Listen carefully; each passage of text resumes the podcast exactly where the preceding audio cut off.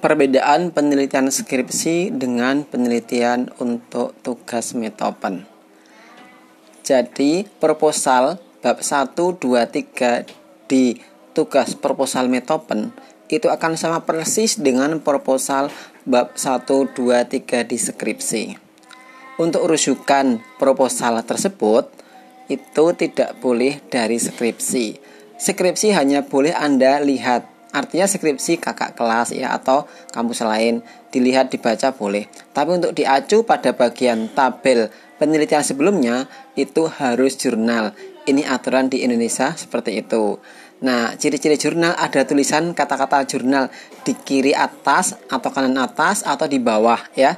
Seperti itu. Ya, jadi uh, semoga ringkasan suara ini dapat menambah pemahaman Anda.